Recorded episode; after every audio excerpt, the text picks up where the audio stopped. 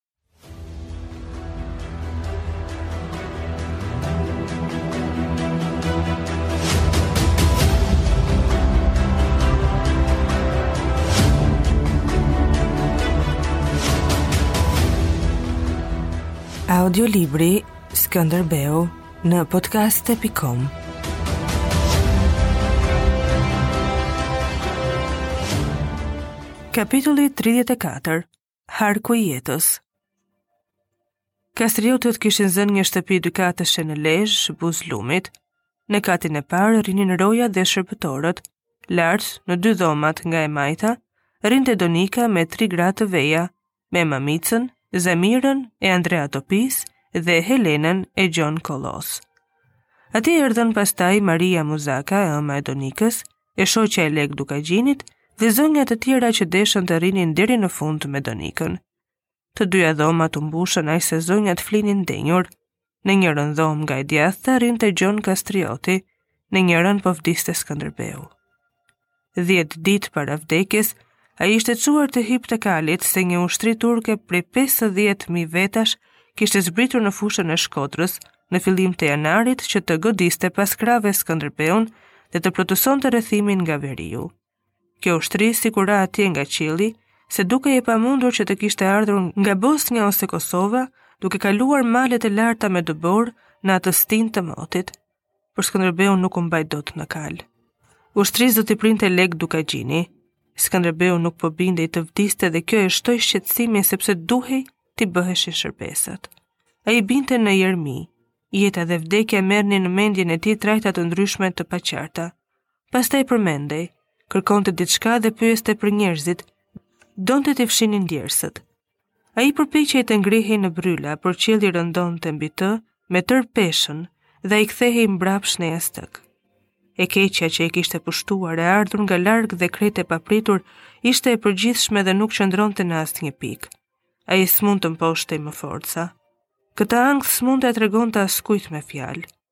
Me të keqen duhej të maste forcat që i kishin mbetur pa shpenzuar asnjë nga punët e tjera.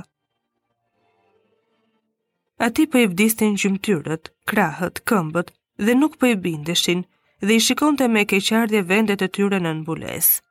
Ai kridhej gjithnjë më shpesh në terr dhe kur i kthehej drita, truri i tij duhej të merrte disa herë të njëjtat ngacmime para se të ndalej mbi një send.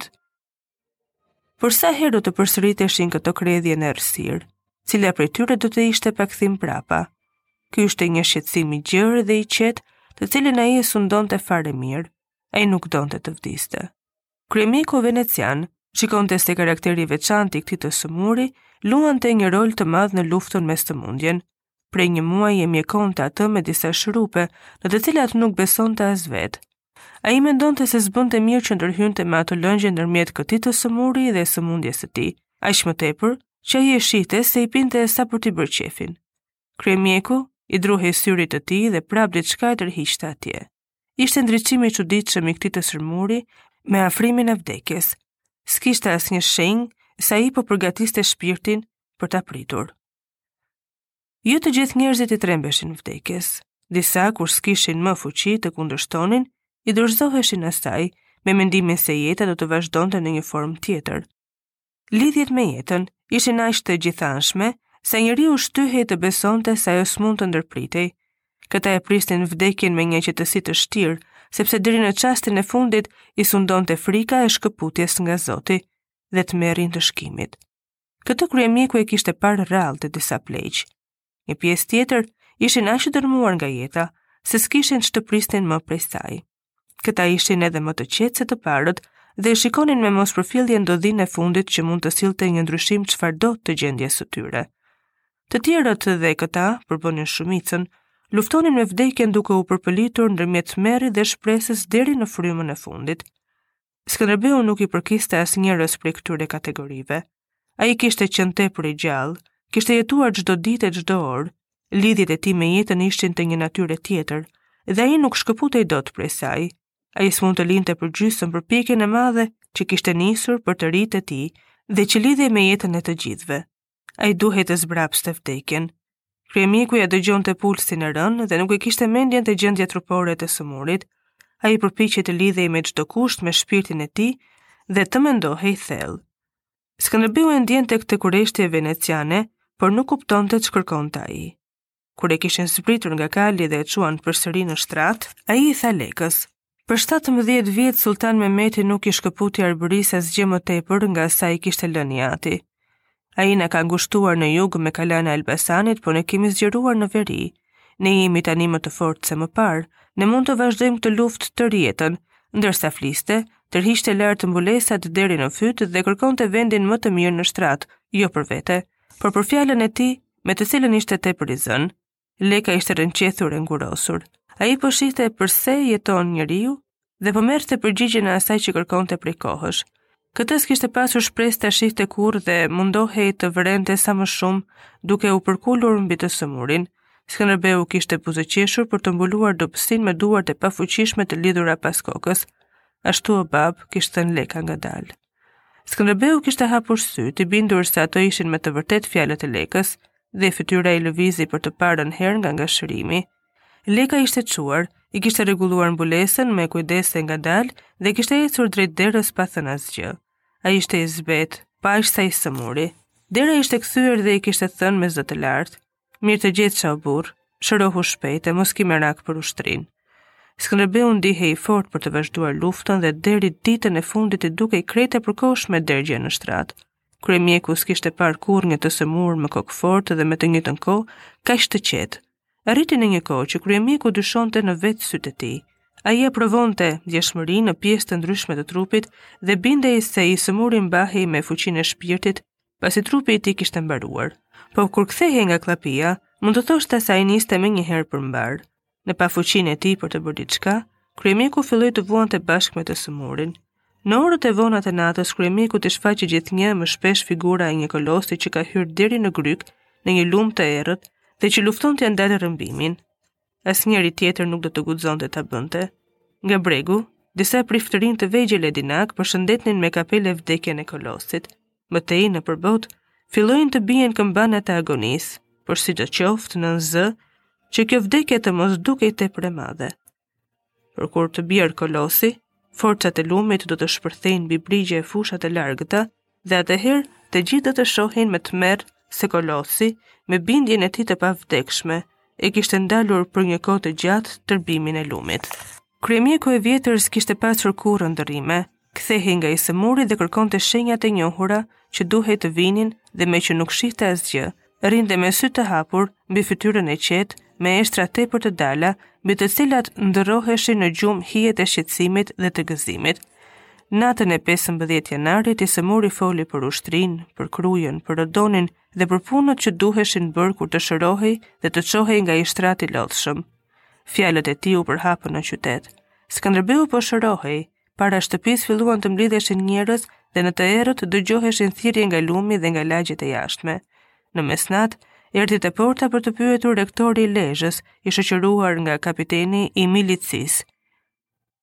U desh njëfarë kohe para se të vendosej qetësia brenda shtëpisë dhe në qytet.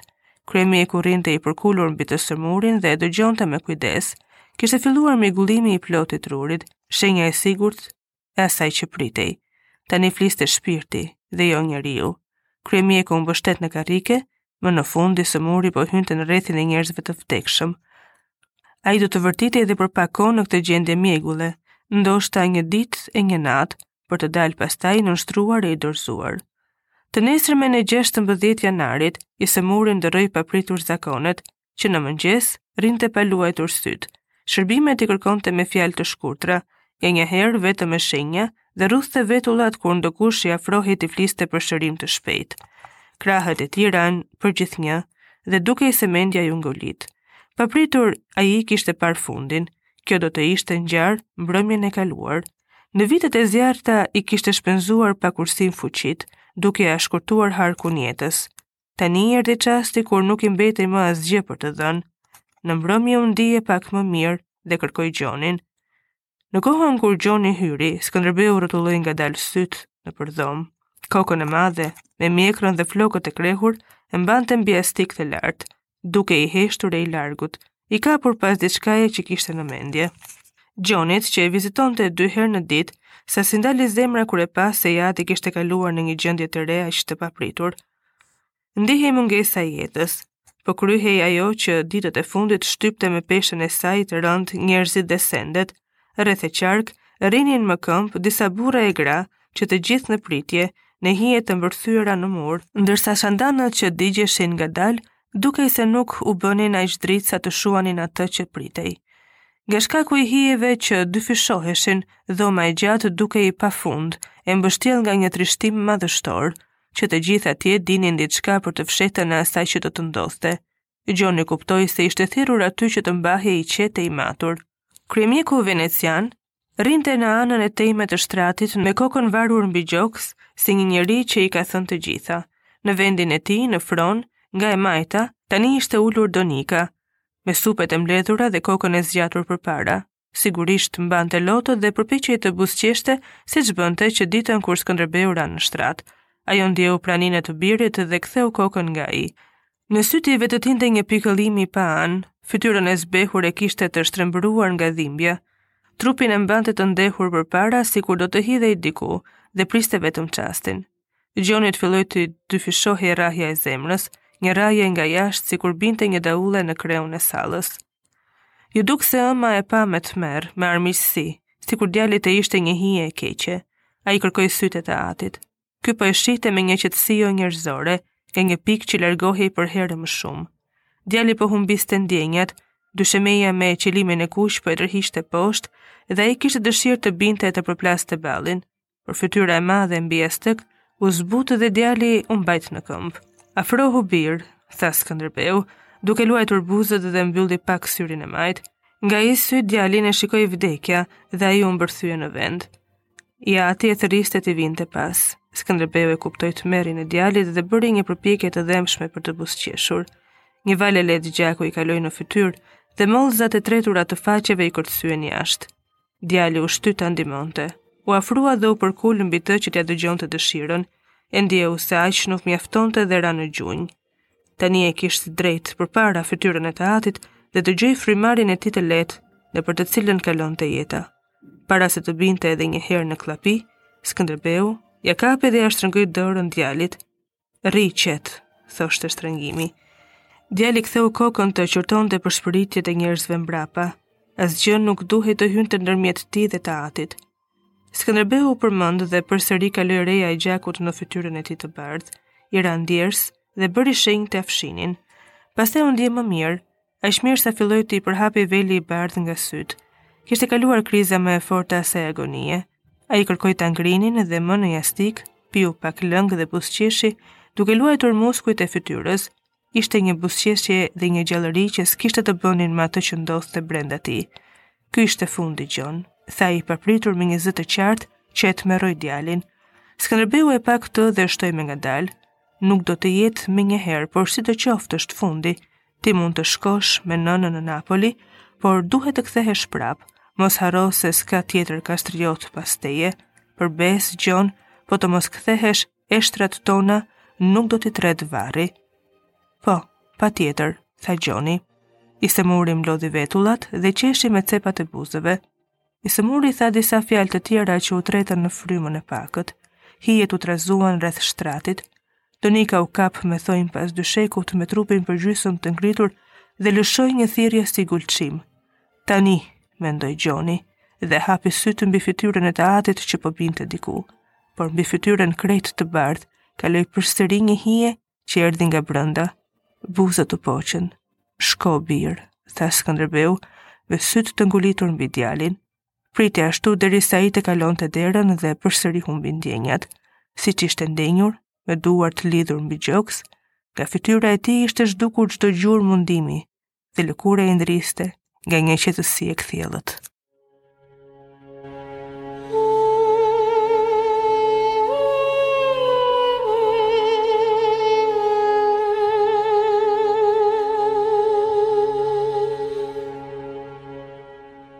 Audiolibri Skënderbeu në podcast.com